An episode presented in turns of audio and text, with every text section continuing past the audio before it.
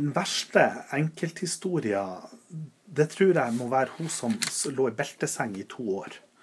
Som, som VG skrev om. Og Det som er så trist med den historien, er jo at, at dama var syk. Det var på en måte Institusjonen vurderte at det var nødvendig å ha henne liggende i belteseng. Og det at man på en måte står i en situasjon at man, hvis man slipper henne løs fra belteseng, så dør hun. Hvis man holder henne i belteseng, så har hun ikke noe liv. Hun hadde vel vært innlagt på psykiatrisk institusjon hele sitt voksne liv. UiT-forsker Marius Storvik sier at tvang er å få noen til å gjøre, tåle eller utholde noe ved bruk av et ulovlig virkemiddel eller en trussel om det. Alt det man gjør for å enten behandle pasienten eller ivareta sikkerheten på institusjon uten at pasienten har samtykka til det. Det er snakk om bruk av isolat, bruk av belteseng, ransaking. Det er snakk om at pasientene blir fotfølgt døgnet rundt.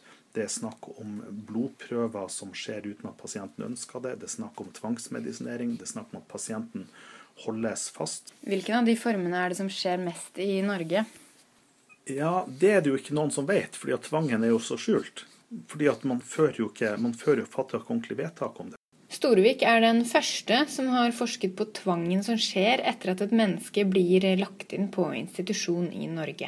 I min doktorgrad så undersøkte jeg åtte ulike eh, rutiner som man gjør i psykiatriske institusjoner. Jeg fant at det var systematiske lovbrudd på syv av disse åtte rutinene. Så ja, det er systematiske brudd på menneskerettighetene i norsk psykiatri. Men det er ikke de ansatte sin skyld. Det er ledelsen som gjør feil. Oppimot 50 ut av oss kommer til å få en psykisk lidelse i løpet av livet. Fordi at det kan ramme hvem som helst, så angår det som skjer i psykiatrien hos alle. Og når når tvangsbruken i psykiatrien blir lovløs, blir skjult, så gjør det at da blir folk redd for psykiatrien, og det gjør at den psykiske helsa blir dårligere. Så det å få gjort noe med den tvangen i psykiatrien, det er et folkehelsespørsmål. Hvorfor burde folk komme på Lørdagsuniversitetet og høre på deg?